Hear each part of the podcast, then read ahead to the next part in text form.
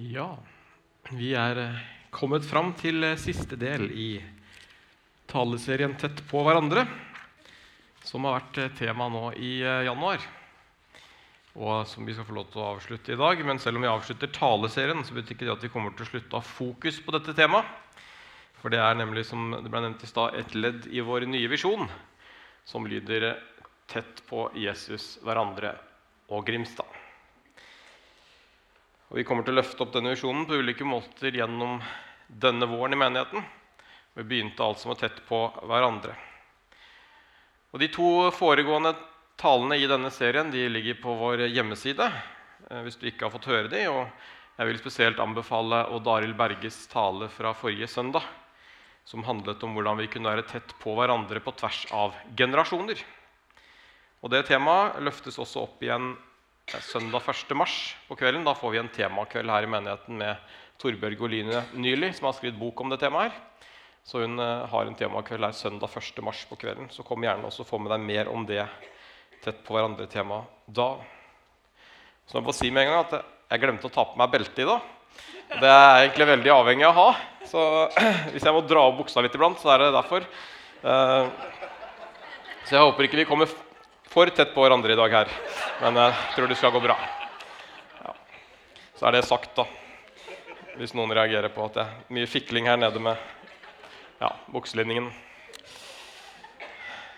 Det er fint å være pastor her i Misjonskirken, og vi har jo en flott stab. Her er et knippe av staben. Eh, Denne uka her så fikk vi lov til å være sammen litt over et døgn på en hytte langt borte på et sted som het Bortelid. eller noe sånt. Eh, Bortelid. Men det var lite lid, lidelse. Eh, eh, men vi fikk lov til å komme tett på hverandre og dele våre troshistorier sammen. Og høre litt eh, hvordan vi har kommet til tro, og hvordan troen har formet seg gjennom våre liv. Det var veldig fint, så vi ble godt bedre kjent med hverandre. Selv om vi har jobbet sammen i mange år, noen av oss, så vi, fikk vi vite ting som vi ikke visste om hverandre. Og det er veldig fint. Og det er noe som jeg også har lyst til å anbefale dere å gjøre hvis dere ikke har gjort det. Og spesielt dere som er med i cellegrupper, så er det fint å dele troshistorier i cellegruppa hvis dere ikke har gjort det der. Så tips gjerne cellegruppelederen din om ikke dere kan ta en runde på troshistorier. For det vil få dere tettere sammen som gruppe. Jeg skal komme litt tilbake til det med cellegrupper eh, litt seinere. For noe av det jeg vil sette fokus på i dag, det er hvordan komme tett på andre om du ikke er tett på andre i dag. Hvilke tilbud har vi i menigheten, og hva kan vi gjøre, og hva kan du gjøre i forhold til det å komme tett på andre? Og ikke minst, hvorfor bør du gjøre noe med det, og hvorfor bør vi være tett på hverandre? Og Ett tilbud vi testa denne uka, her, det var jo at vi eh, ja, uka før inviterte folk til å invitere noen hjem. Og så i Forrige søndag kunne folk skrive seg på lister som lå ute på gangen der, hvor det sto at mandag inviterer de, tirsdag Eller det sto egentlig ikke de, da det sto bare at mandag er det mulighet her, på kveldsmat der, eller onsdag kan du komme på middag der. Det sto ikke noe om navn, så man visste ikke hvor, hvor man skulle, bare sted. sånn, liksom, sånn cirka hvor man skulle da. Eh, Så det var litt sånn spennende, men i løpet av denne uka her så er det en god gjeng som har besøkt hverandre. Her er et bilde fra et av disse besøkene som så ut som de hadde det koselig. Eh, Det virker som det var god stemning, og vi fikk bare lov til å bruke det bildet eh, hvis vi sa at guttene vant, for de spilte brettspill. da. Så da er det sagt. Og Vi har også fått positive oppmuntringer fra andre som har vært på besøk eller fått besøk. Og så var det ikke alle som inviterte, som har opplevd at det kom noen. Så jeg tenker at eh, neste gang hvis vi gjør et lignende stunt igjen, så kan vi godt være enda mer frimodige på å gå på et besøk. Det er jo det letteste. tenker jeg. Det er jo de som inviterer, som må stelle mat og gjøre alt det der. Men man kan få lov til å bare komme og, og nyte eh, invitasjonen. Så jeg håper at vi kanskje kan gjøre noe lignende stunt, og da kanskje det er lettere når vi har gjort det en gang før. Eh, å gjøre det igjen. Men så håper jeg også at du tør å invitere noen hjem iblant uten at vi ber deg om å gjøre det.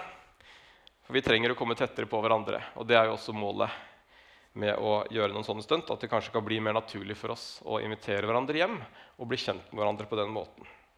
Jeg har tro på dette med å komme tett på. Og i en tale her for et par år siden så viste jeg en modell fra en eh, menighet i Sheffield i England som har testa ut den i de siste tiårene. Eh, en modell for fellesskap på ulike nivå.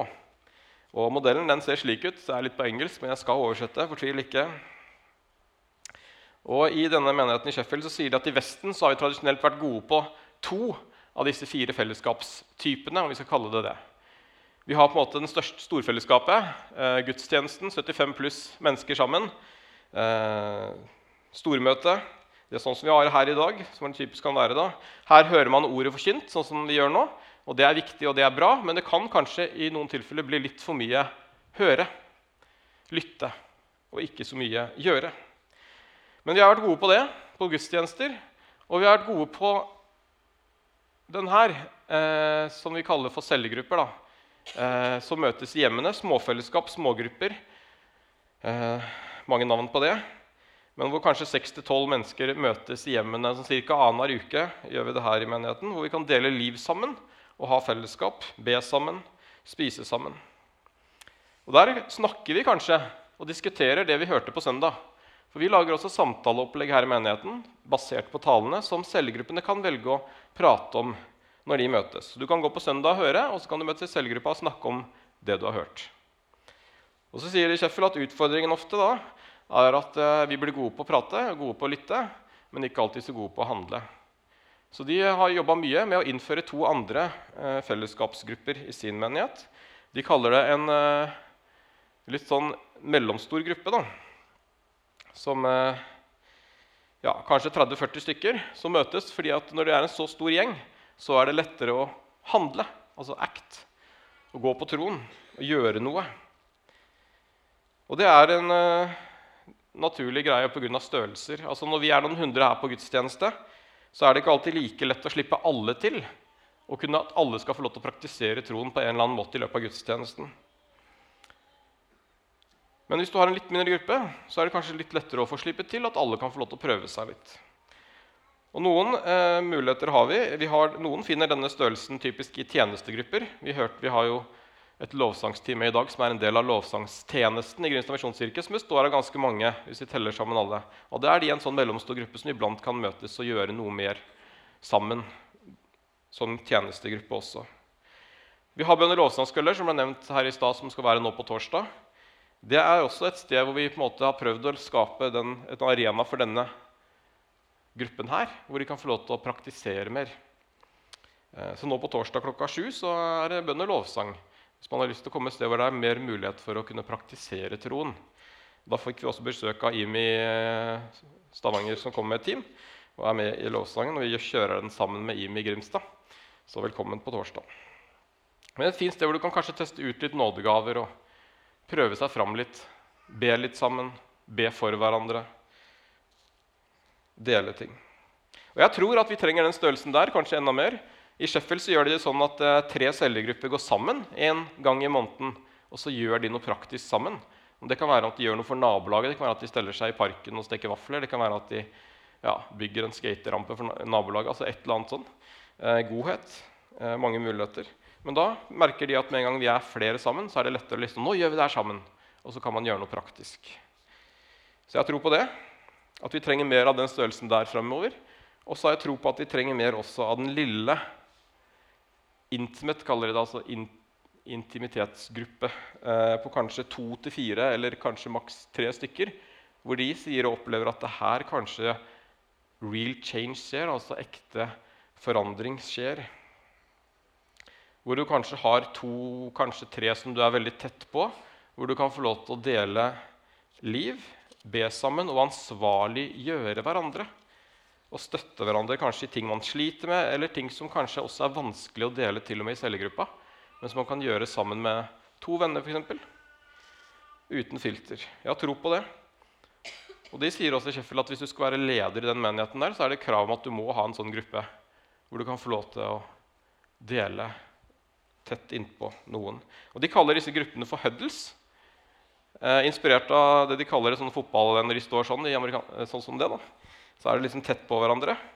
Her er det litt flere enn eh, det, da, men, men eh, litt sånn, da er vi tett på, og så støtter vi hverandre. Og her de, skjer ofte den ekte forandringen da, i våre liv. Og jeg tror at i Norge i dag, i mange menigheter også vår egen, så mangler vi kanskje litt av det her. Et sted hvor vi på en måte kan bekjenne ting, et sted hvor vi kan hjelpe hverandre i det som er vanskelig òg. Og Det fører jo ofte til at vi da blir gående og bære på ting som kanskje også er med å hindre oss i relasjonen til Gud, eller hindre oss i å leve ut det potensialet som ligger der. Og De fire størrelsene her er altså inspirert av eh, Jesus og, og Bibelen, hvor de sier at eh, ja, han eh, talte jo til folkemengdene. Han hadde stormøter. Han sendte ut de 70. Da var det lettere å gjøre noe, praktisere disippellivet. Han hadde tolv disipler sjøl i en liten cellegruppe i det daglige, hvor han delte liv. Men så hadde han også denne lille gruppa med de tre som han hadde enda tettere som fikk lov til å være med han inn i Getsemane, hvor han også ba sammen, delte liv enda tettere på. Så Jesus var i alle de her fire gruppene på ulike måter i sin tjeneste. Og hvis han trengte disse ulike størrelsene, så trenger kanskje vi det også.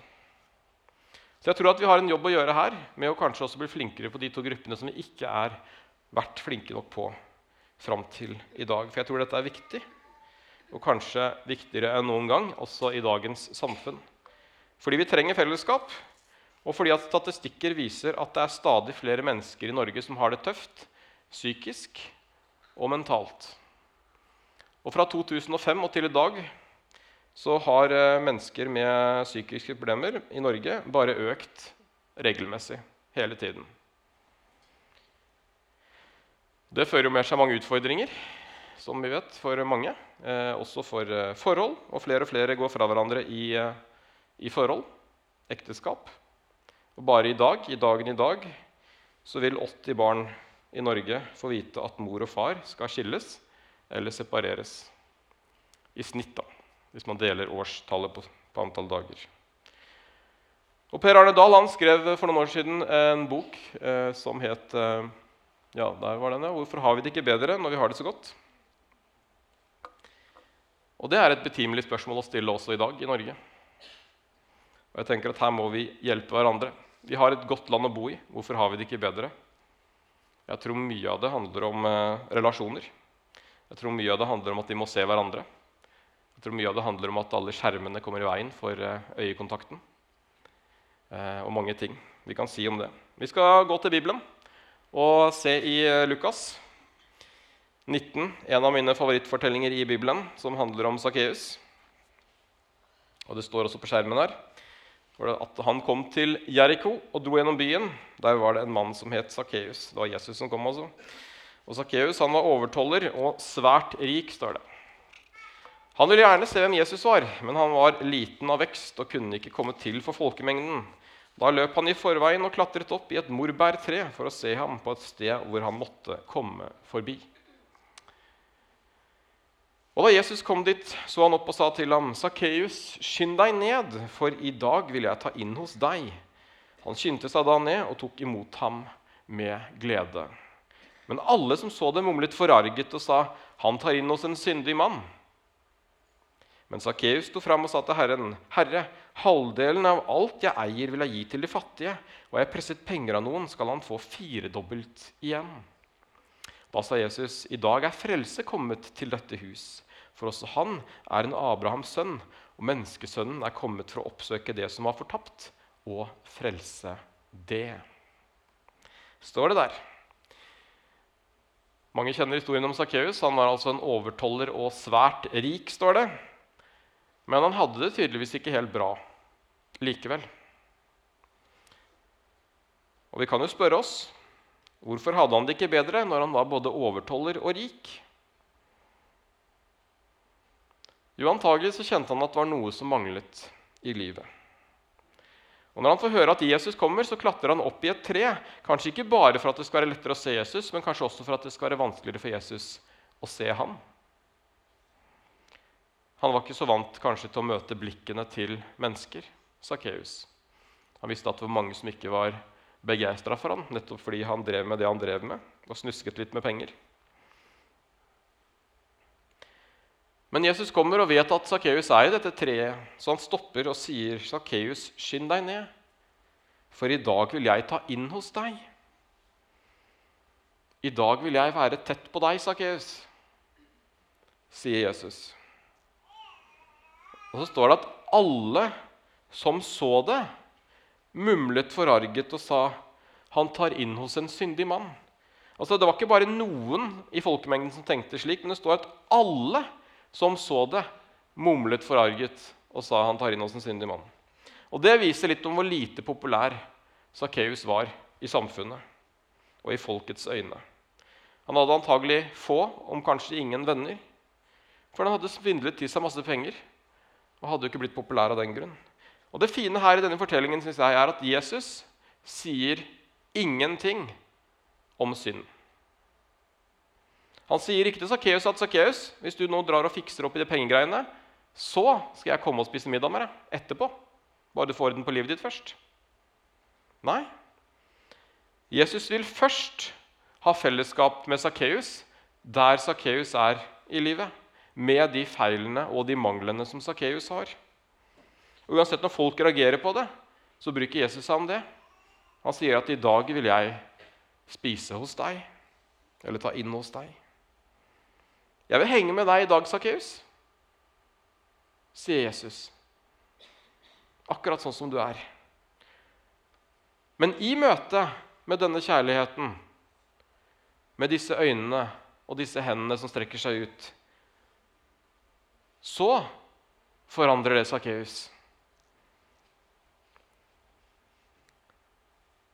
Og det som forandrer Sakkeus, tror jeg, var at det var noen som så ham der han var. Jeg tenker at vi må våge å se hverandre enda mer.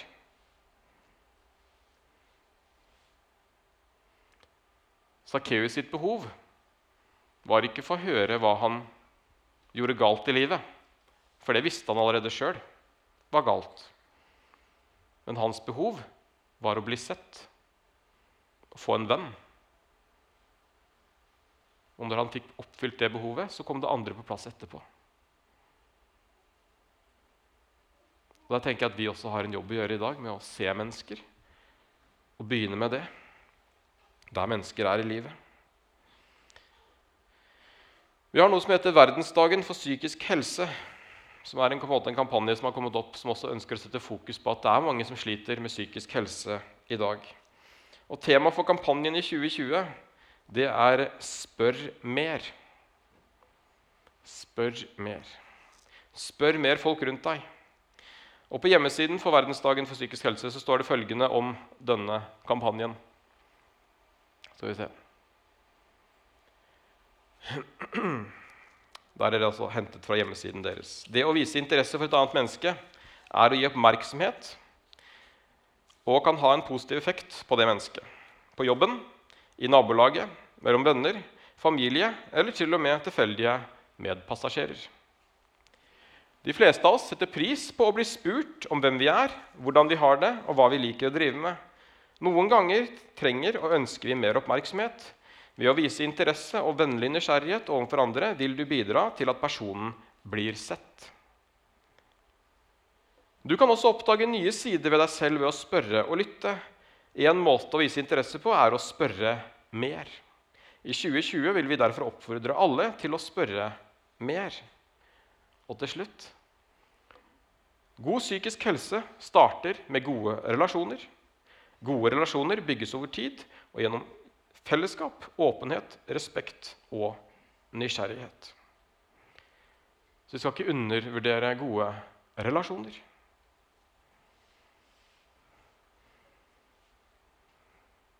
Så bli med, dere òg. Jeg tenker at Vi som menighet kan bli flinkere på det her til å spørre mer. På vår jobb, i vårt nabolag, blant våre venner, familie og til og med tilfeldige medpassasjerer.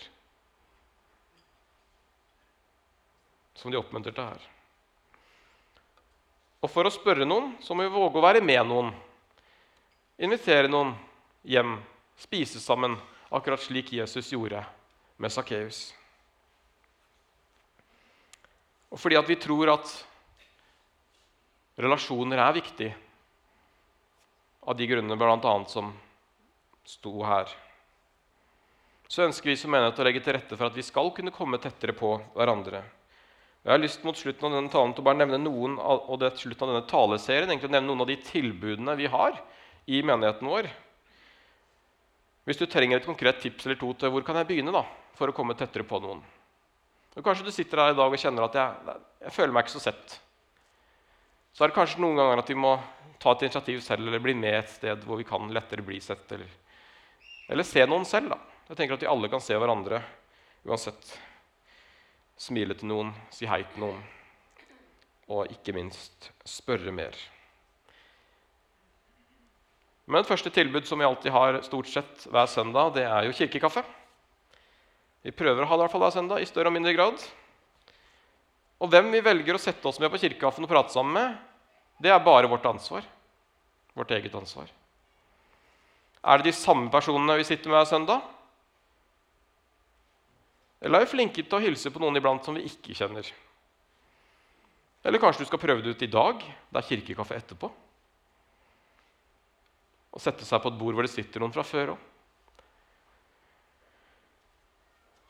Og Jeg har selv opplevd på kirkekaffe her at nå setter jeg meg på et bord, og så ser jeg hvem som kommer til meg. Så kan de på en måte velge å sette seg med meg eh, uten at jeg trenger å velge å sette meg med noen.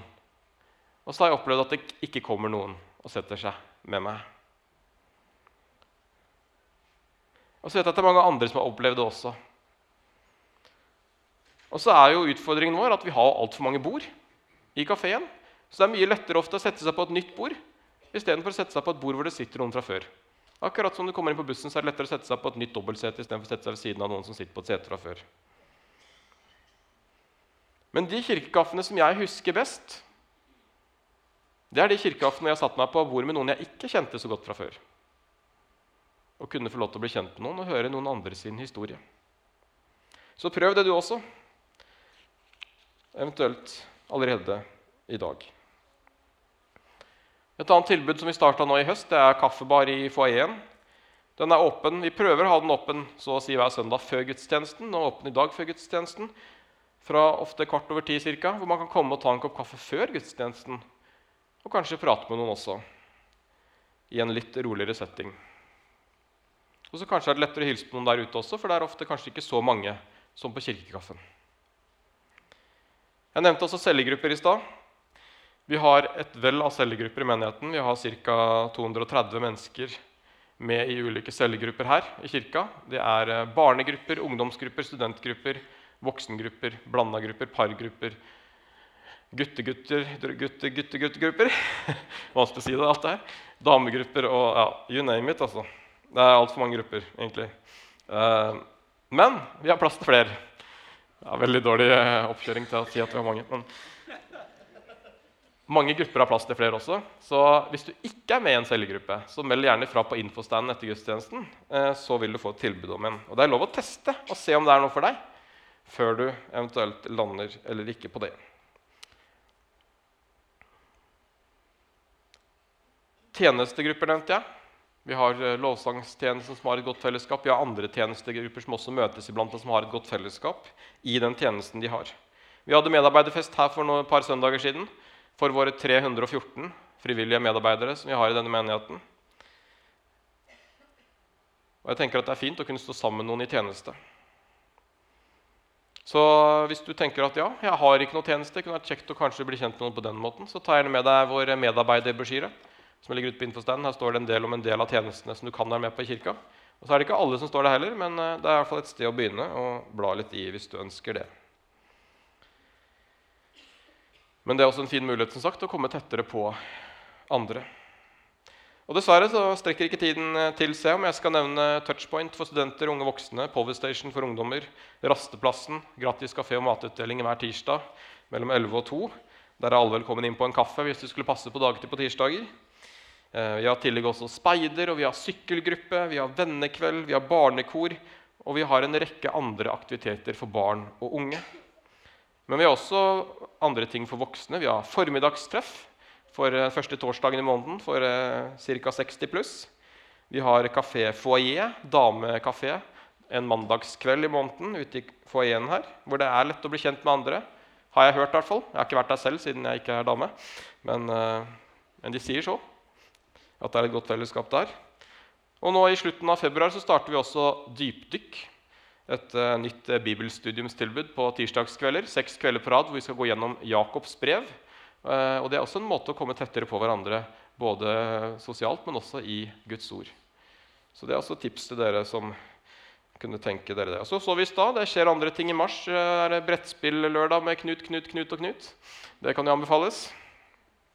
Selv om du ikke heter Knut. Eh, hvor vi også kan få lov til å komme tettere på hverandre og bli kjent. Og så har jeg lyst til eh, slutt i dag å nevne et tilbud som vi har som heter eh, Samtalerommet. Det er vårt sjelesorg- og samtaletilbud her i menigheten. For det kan jo hende at du er en av de som nettopp kanskje syns at ting er litt tungt om dagen, eller at eh, man har litt problemer eller utfordringer på noen områder, eller at du kanskje kunne trengt noen å, å prate med eller samtale med. Og Da vil jeg anbefale å gjøre som mange andre og prøve samtalerommet. Der er det en god gjeng på 14-15 eh, frivillige medarbeidere som alle har eh, god kompetanse, som har eh, jevnlige samtaler med de som melder behov og interesse. Og Da står det mer info også på vår hjemmeside. Så det er også en mulighet for å, å bruke. Vi trenger ofte å samtale. Og Noen ganger kan det være en barriere å gå til den første samtalen. Men det er veldig få jeg hører som har vært i kontakt med samtalerommet, som sier etterpå at det var helt bortkasta tid. Så for de aller fleste så er det godt å kunne samtale med noen og sette ord på ting. Så gjør det det også. Ikke gå og bær på alt alene. Er du i sosiale medier som Facebook, så vil jeg anbefale vår Facebook-side. Vi har en side som heter Grimstad misjonskirke, som er vår offisielle side ut. Men vi har også en, en side som heter Folk i Grimstad misjonskirke. Eh, de har en 370 medlemmer eller et eller annet der. 372 sånn cirka, står det der. Eh, og her står det at det er en gruppe for alle som er tilknyttet Grimstad misjonskirke. Bli med om det gjelder deg. Mens Kirkens Facebook-side er vår offisielle kanal ut, er denne gruppa inn og på tvers. Her kan alle dele, spørre om hjelp, invitere til noe, komme med innspill og utspill osv. Og, så og, og det er på en måte en sånn der tett på hverandre-gruppe hvor liksom, nå, er, nå er det noen som inviterer til til frokost eller uh, lek på Gros eller et eller annet. Så bli gjerne med i den og holde deg oppdatert på, på, ting som skjer, hvis du ønsker det. Yes. Det er i hvert fall nok av tilbud. Men som jeg også sa på, til medarbeiderne tidligere i måneden, at uh, det hjelper ikke om vi har mange gode tilbud, om vi ikke ser hverandre i de tilbudene. Så vær gjerne med og hjelp. og Der trenger vi alle å bidra til å se hverandre og prate med hverandre. Så jeg håper at 2020 kan bli et, et år hvor vi som menighet kommer tettere på hverandre på mange ulike måter. Yes, Jeg skal runde av eh, denne talen, men ta utfordringen som jeg har gitt i dag, med å spørre mer, med å se hverandre. Og så kanskje se de som eh, ja, de som er litt sånn som Sakkeus, som vi kanskje kan tenke at eh, ikke har livet på stell, ikke har alt Eller kanskje har gjort noe galt eller dumt. Kanskje har de et ekstra stort behov for å bli sett. Og da har vi et ansvar å se mennesker slik Jesus gjorde det. Men eh, hils på nye. Bry deg. Spør mer. Skaff deg en gjeng som du kan få lov til å være deg selv i. Cellegruppe, et eller annet. Tjeneste. Finn noen du kan dele troen og livet med og komme tett innpå. Og ikke minst ta med Gud i det. Og søk Han først, for Han skal gjøre det. Jeg hadde lyst til å minne dere om det helt til slutt, at eh, vi er i Guds varetekt. Jeg vet ikke om Varetekt er ikke alltid et eh, positivt ord, kanskje, sånn, eh, hvis man ser sånn på det, men, men, jeg tenker at det er godt å være i Guds varetekt. da. Og I Salme 19 så er rett og slett overskriften 'I Guds varetekt'. Så jeg hadde lyst til å bare lese Salme 19 som en avslutning på denne talen. For der står det nemlig I Guds varetekt, en miktam av David. Bevar meg, Gud, for jeg søker tilflukt hos deg. Jeg sier til Herren, du er min Herre. Du er mitt eneste gode. Jeg holder meg til de hellige landet. De gjeve menn setter jeg høyt. Mange plager må de tåle, de som jager etter andre guder. Jeg vil ikke øse ut blodoffer for dem og ikke ta deres navn i min munn. For Herre, du er min del og mitt beger. Det er du som bestemmer min lodd. Jeg fikk min del på fager grunn, ja, en herlig arv er blitt min. Så jeg priser Herren som gir meg råd. Ja, også om natten får jeg rettledning i mitt indre. Alltid har jeg Herren for øye. Han er ved min høyre side. Jeg skal aldri vakle. Og Derfor er det glede i mitt hjerte og jubel i min sjel. Ja, også min kropp kan være trygg. For Gud, Gud berører altså både vårt hjerte, vår sjel og vår kropp på alle måter. Og du overgir meg ikke til dødsriket.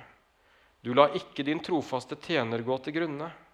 Du lærer meg livets vei, for ditt åsyn er det en fylde av glede over din høyre hånd, en evig fryd. Som ikke vi alltid er glade, så kan vi ha vår glede i Herren og den Han er. Han er trofast. Han er urokkelig. Han er den samme uansett om våre følelser går opp og ned. Jeg hadde lyst til å minne om det til slutt. Putt vår lyst og vår glede i Herren, så er det Han som skal gjøre det. Han som skal hjelpe oss. Så har du det vanskelig, å ta Han med på laget, og søk Han. Det skal vi også be om nå sammen. Kjære far, takker deg for din godhet, din trofasthet, din omsorg. For hver enkelt, far. Må du velsigne oss hver enkelt som er her i dag, far. Og må du hjelpe oss til å komme tettere på hverandre, men også til å komme tettere på deg, far. Og kanskje er det ofte der det begynner, for at vi skal kunne klare å se hverandre i hverdagen. Må du hjelpe oss til å se de som trenger det, far. Både her i menigheten, men også de menneskene vi møter på vei i hverdagen, far på jobben, på skolen, i familien, blant venner. Hjelp oss å se de som trenger det, far. Hjelp oss å møte mennesker slik du møtte mennesker, far. Se hva behovene er, far. La oss møte dem, far, og ikke, ikke dømme mennesker, men møte dem med kjærlighet, far. For alle er vi dine barn. Takk, far, at du er her nå midt iblant oss. Må du velsigne resten av den stunden vi skal sammen her nå. I Jesu navn. Amen.